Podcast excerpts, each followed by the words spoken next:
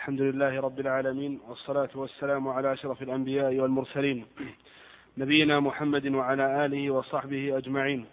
أما بعد فهذا هو المجلس الثالث عشر من مجالس شرح الطحاوية من شرح معالي شيخنا يوسف الغفيص.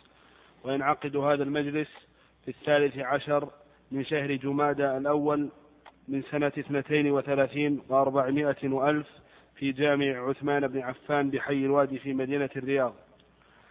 قال الإمام أبو جعفر رحمنا الله وإياه ونؤمن بالكرام الكاتبين فإن الله قد جعلهم علينا حافظين.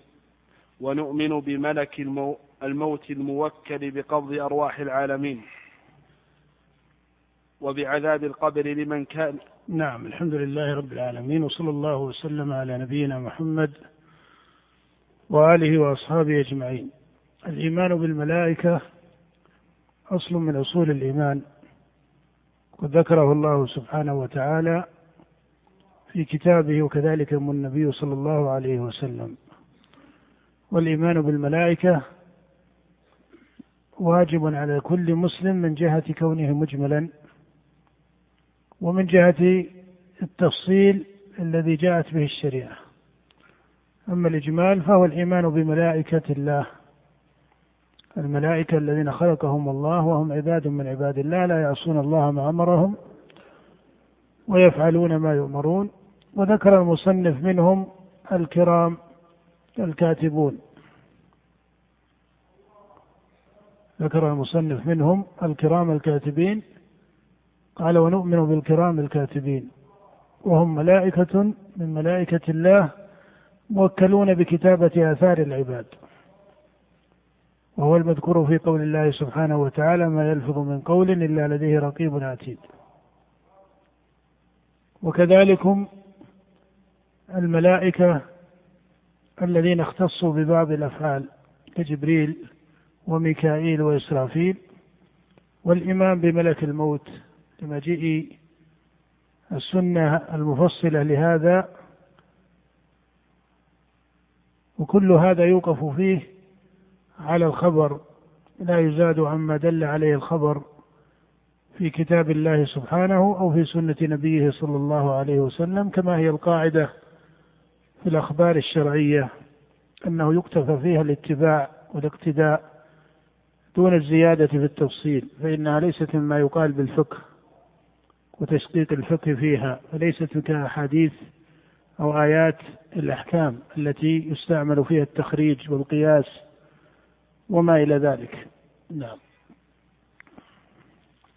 قال رحمه الله وبعذاب القبر لمن كان له أهلا وسؤال منكر ونكير في قبره. الإيمان بعذاب القبر ونعيمه أيضا أصل من أصول المسلمين وهو أن الله سبحانه وتعالى قضى بأن المؤمن يكون منعما في قبره وأن الكافر يكون معذبا في قبره.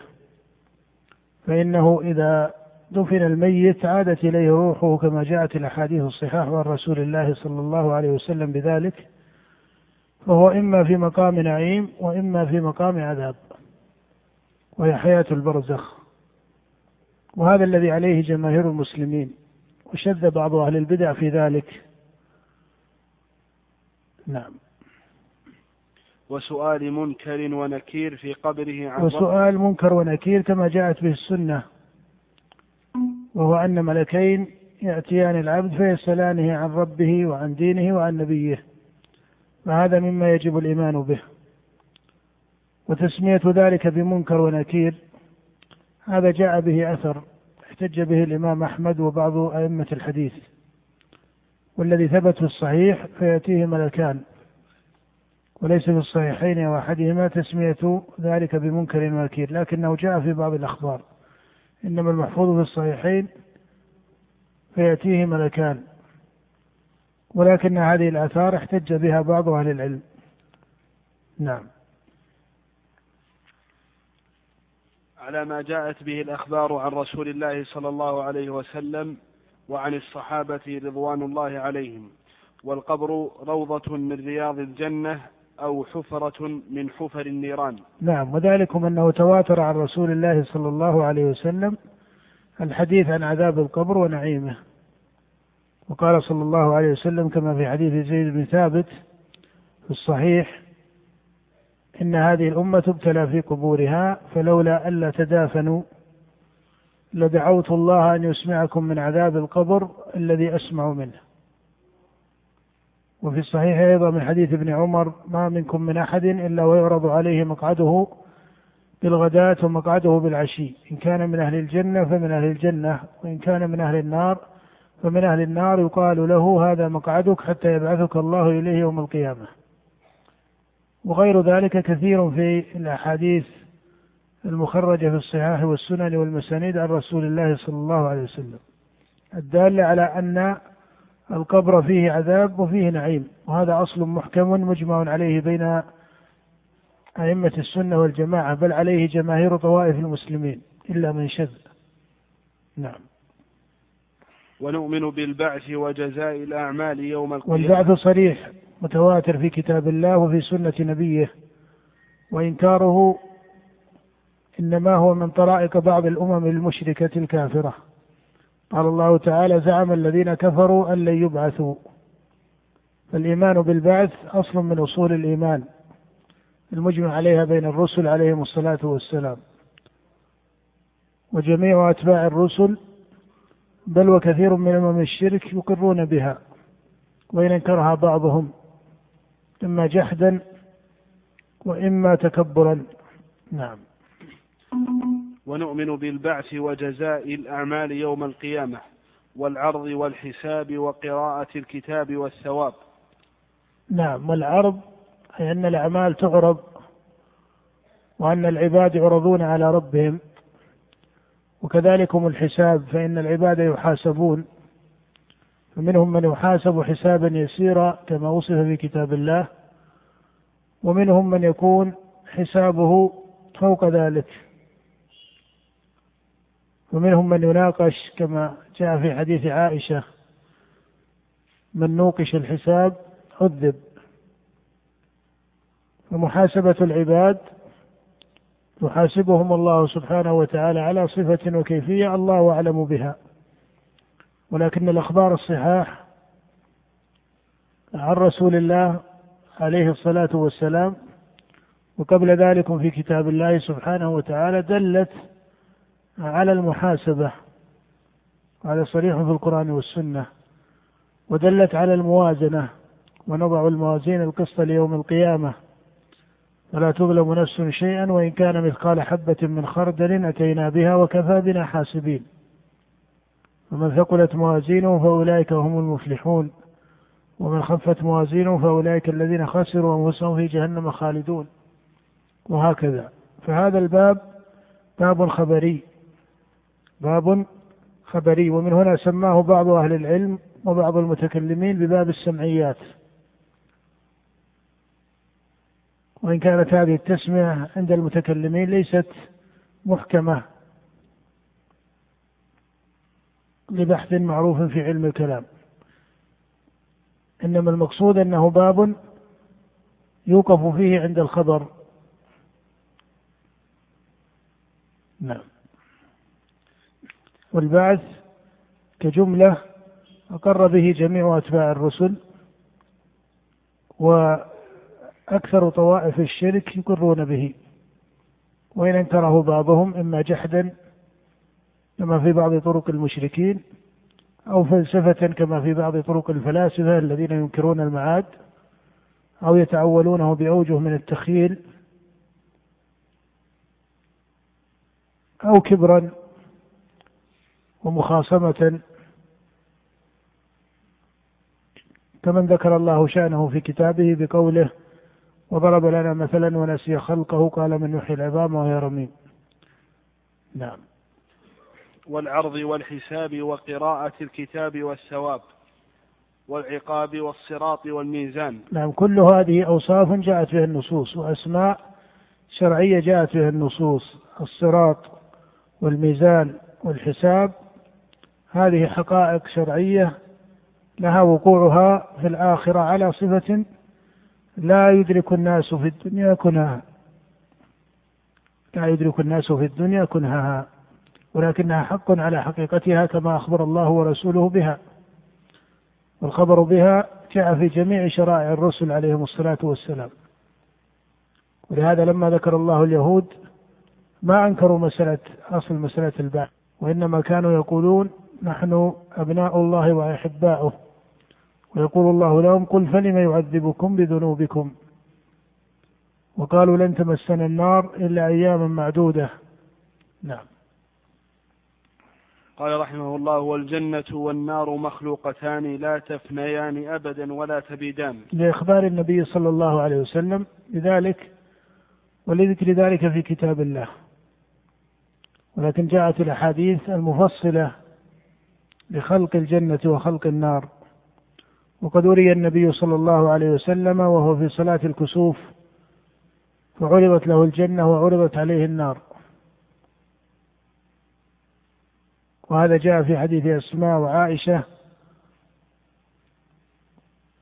وأبي موسى الأشعري وغيرهم من الصحابة الذين نقلوا صفة صلاة كسوف الكسوف لما صلى رسول الله عليه الصلاة والسلام صلاة الكسوف.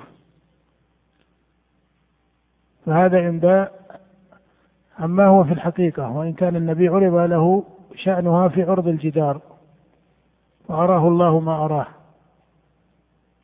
ولكنها مخلوقة من مخلوقات الله سبحانه وتعالى. وهذا خلاف لقول من قال إنها تنشأ بعد ذلك. بل الصحيح الذي عليه إجماع السلف وأكثر طوائف المسلمين أن الجنة والنار مخلوقتان. نعم.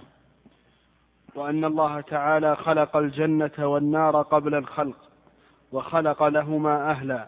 فمن شاء منهم إلى الجنة فضلا منه ومن شاء منهم لأن قدر الله سبحانه وتعالى مضى بأهل الجنة وأهل النار وهذا من علم الغيب الذي لا يعلمه إلا الله.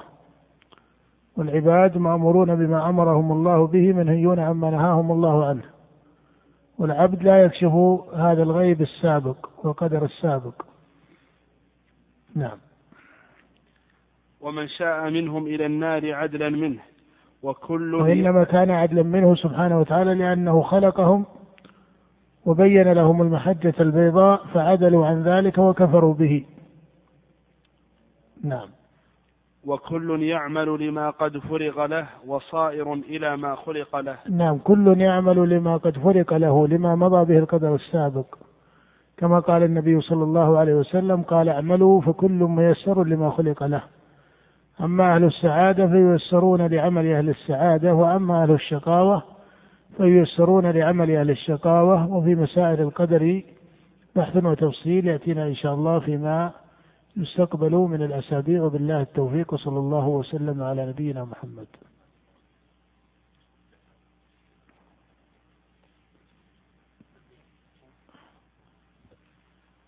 نبه الإخوة مرة أخرى بأن شيخنا الله يحفظه الأسبوع القادم غير موجود في الرياض وذلك الدرس سيتأجل إلى الأسبوع الذي بعده بإذن الله تعالى.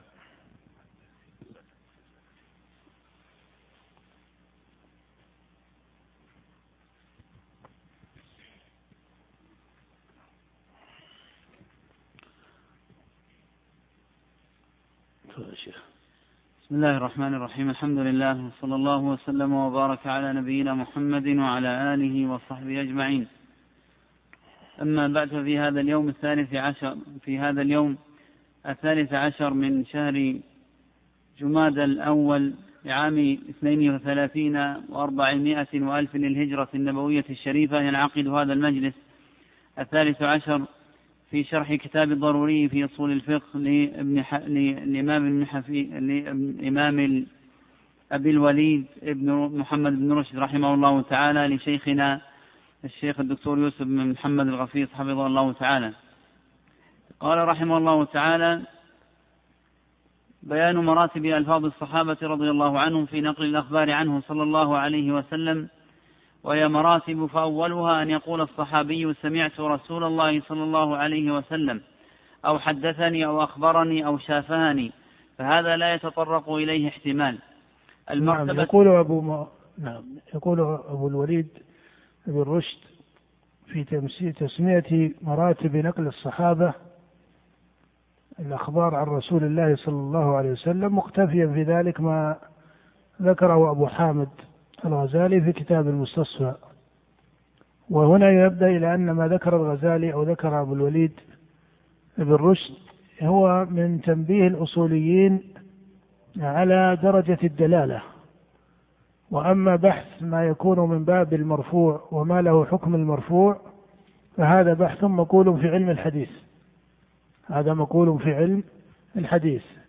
إنما المقصود الأصولي هنا هو التنبيه على مرتبة الدلالة. ولهذا لا بد لطالب العلم من أن يحرر المقامين. فليس معنى أن له حكم المرفوع أنه يكون بدرجة جميع صفات المرفوع. فهذا باب مقول في علم الحديث. أما هنا هو تحرير درجة الدلالة. الدرجة الأولى أن يقول الصحابي سمعت رسول الله صلى الله عليه وسلم أو حدثني أو أخبرني قال المصنف فهذا لا يتطرق إليه احتمال لأن هذا صريح في نقل السنة. نعم. المرتبة الثانية أن يقول قال رسول الله صلى الله عليه وسلم كذا أو حدث بكذا فهذا ظاهره النقل. إذا صدر عن الصحابي وليس نصا صريحا إذ ممكن أن يكون حدث به عن رسول الله صلى الله عليه وسلم لكن رأي أكثر أكثرهم العمل بمثل هذا نعم. جائز للقرائن الدالة على ذلك لا سيما إذا صدر ذلك عن من كثرت صحبته. نعم وهذا هو المعتبر عند الأئمة أن قول الصحابي قال رسول الله صلى الله عليه وسلم هو بدرجة قوله سمعت لأنه إذا قال قال فإما أنه سمعه أو حدثه صحابي آخر. وهذا الفرق غير مؤثر في درجة الدلالة. نعم. المرتبة الثالثة أن يقول الصحابي أمر رسول الله صلى الله عليه وسلم بكذا ونهى عن كذا أو فرض كذا وأوجب كذا هذه الدرجة الثالثة دون الأولى والثانية. لأن الأولى والثانية نقل محض فإنه يقول قال رسول الله أو سمعت رسول الله فهو ناقل. لكن إذا قال أمر رسول الله فهذه الدرجة دخلها طرف من الاحتمال من جهة أن هذا قد يكون اجتهادا من الصحابي. قد يكون اجتهادا من الصحابي في حكاية الأمر. قد يكون اجتهادا من الصحابي في حكاية الأمر وحكاية النهي. وإن كان هذا إذا ما ورد من الصحابي مثل هذا القول بقوله أمر رسول الله أو نهى رسول الله وجاء في النصوص أو في الأصول ما يشكل على ذلك فهنا يقوى هذا الطرف الذي أشير إليه. نعم. فهذا يتطرق إليه احتمالان أحدهما في سماعه كما في قوله تعالى والثاني في فهمه عن الخطاب الأمر أو الوجوب إذ صيغة الأمر مختلف فيها ولذلك رأى داود ومن تبعه من أهل الظاهر ألا حجة في قوله ما لم ينقل ينقل لفظه ما لم ينقل لفظه صلى الله عليه وسلم. والجمهور على أنه حجة وهذا هو الصحيح. ولكن كونه حجة ليس بدرجة قوله قال رسول الله أو سمعت رسول الله. ولهذا إذا ورد عليه ما يشكل من النصوص الأخرى تقوى هذا الطرف في فهم الصحابي له. نعم. وقد احتج وقد احتج عليهم أن هذا نظر من حيث فهم الألفاظ وإنما وقع الخلاف فيها بيننا من حيث أننا لسنا بفصحاء ولا بحجة على الكلام العربي وأما الصحابي من حيث أنه عربي فكيف يتوهم عليه الغلط في صيغة الأمر؟ وهذا وهذا عند التحقيق ليس هو مأخذ من اعترض على هذا فإنهم لا يقصدون أن الصحابي يخطئ من حيث اللغة ولكنه قد يفهم من حال النبي صلى الله عليه وسلم الأمر أو النهي وليس كذلك. وقد يفهم النهي العام والنبي إنما أراد نهيا خاصا. وقد يفهم الأمر العام والنبي إنما أراد أمرا خاصا. فهذا وجه من التطرق. ولذلك لما جاء التعبير فيما سبق الإشارة إليه الآن قلنا يتطرق إليه طرف. التعبير بكلمة طرف مقصودة. بمعنى أن الأصل إذا قال الصحابي أمر أو نهى الأصل إمضاؤه. والأصل العمل به. ما لم يقم ما يشكل عليه من أصل عام ونحو ذلك. إذا قام ما يشكل عليه قد يتقوى هذا الطرف. نعم. مع أنه به تقوم الحجة عند الاختلاف فيها. وإنا نرى أن تصحيح الألفاظ في لسان ما عند من لم يكن من أهل ذلك اللسان إنما يحصل بأحد أمرين. إما باستقراء كلامهم أو النقل عنهم إذا استفاض ذلك فيهم وعلى هذا لا يصح الاحتجاج بقول الواحد حتى يستفيض قوله. وأما هل يشترط في نقل اللغة التواتر أو تكفي فيه الآحاد فذلك مختلف فيه ويشبه أن يكفي في كثير منها نقل الآحاد.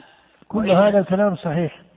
هذا كلام متين في تحرير أبي الوليد له في جوابه عما قد يقع من شبهة أو حجة أهل الظاهر. ولكن الذي يشكل عليه أن مأخذ من أشكل على هذا المقام ليس من هذا الوجه بل هو من جهة الفهم الذي ليس له صلة باللغة. وإلا فإن الصحابي حجة في اللغة كما هو معروف لأنه في وسط اللسان وما آه، اعترض على كلام الصحابة من جهة فصاحتهم. نعم. ويشبه أن يكفي في كثير منها نقل الآحاد وإلا لم يكن سبيل إلى الوقوف على أكثر دلالات الألفاظ لو اشترط, لو اشترط في نقل كل واحدة منها التواتر. المرتبة الرابعة أن يقول أمرنا بكذا أو نهينا عن كذا فهذا يتطرق إليه مع ما سبق من الاحتمالات. أراد, أراد بقوله ما سبق أنه سمعه أو أنه فهمه عن رسول الله.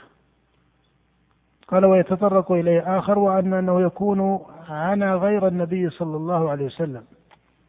من الأمراء أو الأئمة كالخلفاء الراشدين ونحو ذلك. نعم. قال فهذا يتطرق إليه مع ما سبق من احتمالات احتمال آخر وهو أن الأمر بذلك عساه أن يكون غير النبي صلى الله عليه وسلم من الأئمة والأمراء وفي معنى هذا قولهم من السنة كذا والسنة جارية بكذا. وهذه المرتبة قريبة من المرتبة الثالثة. وهل الفرق بينها وبين المرتبة الثالثة فرق لفظي كما قلنا في الفرق بين أو تقول فرق غير مؤثر. هل الفرق بين الثالثة والرابعة فرق غير مؤثر في الدرجة؟ كما قيل في الفرق بين المرتبة الأولى والثانية. الأولى والثانية بينهما فرق ولكنه غير مؤثر في الاحتجاج في درجة الاحتجاج.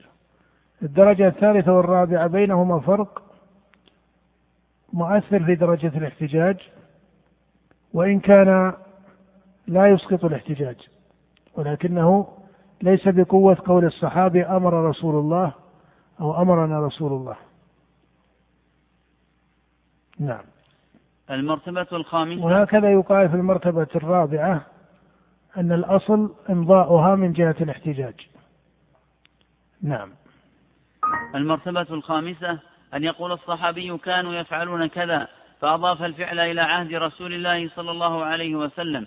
فهذا أيضا يحتمل يحتمل أن يكون بلغ ذلك رسول الله صلى الله عليه وسلم وهو الأظهر فأقره ويحتمل أن يكون لم يبلغه. نعم أن يقول الصحابي كنا نفعل كذا أو يقول الصحابي كان الناس يفعلون كذا في عهد النبي صلى الله عليه وسلم. فما دام أنه لم يصرح بأنه بلغ رسول الله صلى الله عليه وسلم ولم ينكره فإذا صرح الصحابي أنه بلغ النبي صلى الله عليه وسلم أي أن الأمر بلغه ولم يمنعهم أو ينهاهم فهذا إقرار صريح من السنة. أما إذا أضافه إلى عهد النبي عليه الصلاة والسلام فهذا إنما يحكى به حال ومثله إذا كان على سبيل النفي.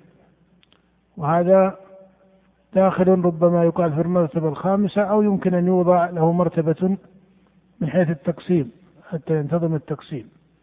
فإن المرتبة الخامسة هي في باب الإثبات.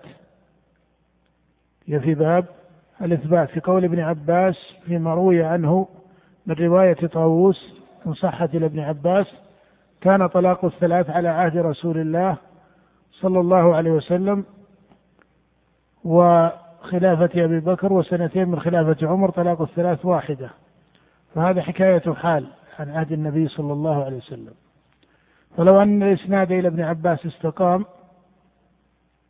ف وانتظم الاستقراء من الصحابي لأن الصحابي هنا مجتهد في استقراء الحكم. فإن كان الحكم من حيث الاستقراء صحيحا فهذا سنة لازمة. ولكن قد يتأخر فيخالفه صحابي آخر في استقرائه للحكم ولا سيما إذا نقل بصفة الإفراد. إذا نقل بصفة الإفراد كما مر معنا في الفقه إن من الصحابة من قال إن النبي صلى الظهر بمنى ومنهم من قال إن النبي صلى الظهر بمكة. فهذا حكاية حال. أحد الصحابيين حفظ ما لم يحفظ الآخر. ومثله في مقام النفي. إذا قال صحابي من الصحابة رضي الله تعالى عنهم ما كان النبي يفعل كذا. فإنه إنما يعبر عن ماذا؟ عن استقرائه. فإن لم يكن ما يشكل عليه فالأصل العمل به. إن لم يكن ما يشكل عليه فالأصل العمل به. ولكن إذا حكى صحابي آخر أن النبي فعل فيفسر هذا بأن هذا حفظ ما لم يحفظ الآخر. ومثله أيضا يقال لا تنفى مشروعية عمل بحكاية الصحابي لفعل وبعبارة أكثر في المقصود بحكاية الصحابي لنفي الفعل. كقول عائشة مثلا ما رأيت النبي يصلي الضحى قط؟ عائشة هنا حكت حالا على سبيل النفي. فلو أن صحابيا آخر حكى أن رسول الله يصلي الضحى قدم قوله. أليس كذلك؟ لأن فيه زيادة في العلم. ولو لم يرد أن صحابي حكى ذلك فينظر إلى أصل التشريع. وقد جاءت السنة بمشروعية صلاة الضحى. فلا يكون ما نفته عائشة مسقط لهذه المشروعية الصريحة. وندب النبي صلى الله عليه وسلم كقوله ويجزئ من ذلك ركعتان يركعهما من الضحى وأمره لأبي أيوب.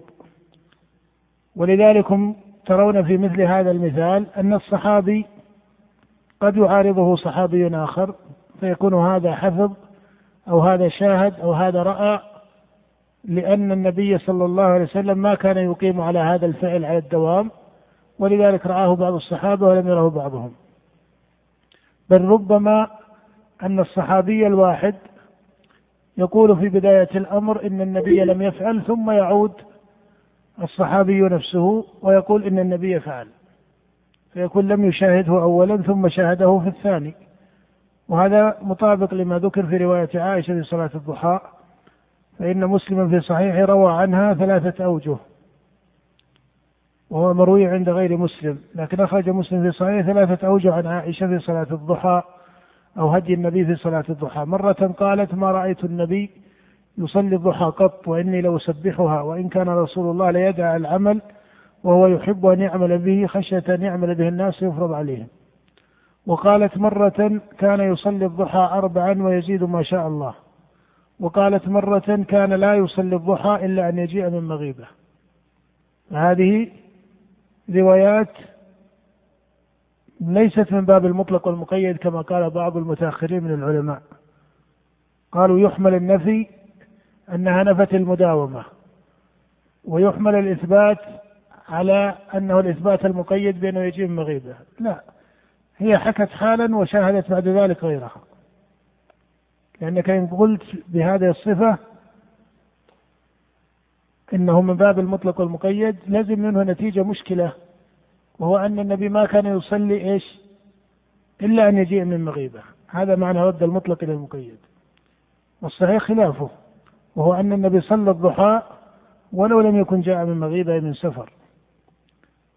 فهكذا يقال إذا حكى الصحابي النفي. ولذلك إذا حكى بعض الصحابة أن رسول الله صلى الله عليه وسلم لم يفعل ذلك فينظر فإن كان أصل التشريع جاء به كان تشريعه عليه الصلاة والسلام بالقول كافيا ولو لم يحفظ أن النبي إيش؟ فعله كالصيام في تسع ذي الحجة. فإن بعض الصحابة نقلوا أن النبي ما فعله. فهذا حكاية حال لا يلزم منه المطابقة على التمام. ومن باب أولى لا يلزم منه أنه ليس بمشروع. لو تحقق. لو تحقق على الدوام لا يلزم أنه ليس بمشروع. وهذا لا يرد عليه أنه رد لرواية الصحابة بل هو قبول رواية الصحابي ولكنه قبول على قدرها. فإن الصحابي لا ينطق بالوحي وإنما يخبر بما يعلم فهو قبول لرأيه أو لروايته إلى قدر علمه الممكن. لكن لا يلزم أنه أحاط بكل حال النبي صلى الله عليه وسلم وإنما هو يقول ما رأيته. كما قال أنس رضي الله عنه صليت خلف النبي وأبي بكر وعمر وعثمان فلم أسمع أحدا منهم يقرأ بسم الله الرحمن الرحيم. هو إنما يخبر عما شاهده. فلو صحت روايات صحاح عن بعض الصحابة أن النبي قال البسملة جهر بها اعتبرت. وكما تعتبر رواية أنس تعتبر هذا ويكون هذا من التنوع في العبادة. وهذا هو الجواب عن بعض الروايات التي صححها بعض أهل العلم كرواية معاوية بن أبي سفيان أن النبي كان يجهر ببسم الله الرحمن الرحيم. فهذه رواية ليست مشكلة لأنها إن صحت على طريقة من يصحح هذه الرواية قيل هذا تنوع في الحال. وإذا قلنا بالطريقة الثانية وهي الأقوى أنها رواية معلولة من جهة إسنادها لا من جهة إيش؟ مخالفتها لحديث أنس لأن هذا ليس من باب المخالفة هذا يرد فيه التنوع. هذا يرد فيه التنوع. ولكنها معلولة من جهة إسنادها ولذلك كان الراجح كما سبق معنا في الفقه أنه لا يشرع الجهر بسم الله الرحمن الرحيم ولكن من جهر بها فله سلف من الصحابة والأئمة. نعم. فقد ظهر من هذا ما هو إخبار عن رسول الله صلى الله عليه وسلم وما ليس بإخبار. نعم وهذا التمييز تمييز دقيق وشريف. ذكره بعض أئمة الأصول كأبي حامد وتبعه بالوليد وهو تمييز ليس في رد رواية الصحابة. هذا لم يقل به عالم أو فقيه كما هو بدهي. فإن الإجماع منعقد على قبول أقوال الصحابة رضي الله تعالى عنهم إذا حكوا عن رسول الله وعن سنته وهم ثقات عدول جميعهم في هذا. ولكنه فرق بين ما يكون على درجة النص من الوحي والصحابي إنما نقله نقلا محضا وبين ما يكون فيه أثر من اجتهاد الصحابي من جهة استقراءه من جهة استقرائه. فهذا قد يختلف فهذا قد يختلف. يعني قد يحكي الصحابي كما في حديث جابر لما قال إن النبي صلى الظهر بمنى وقال ابن عمر إن النبي صلى الظهر بمكة وكلاهما في الصحيح. فهذا اجتهاد هذا اجتهاد في حكاية الحال وليس فيه نقص لقبول رواية الصحابة التي يجمع العلماء على قبولها وبالله التوفيق صلى الله وسلم على عبده ورسوله نبينا محمد.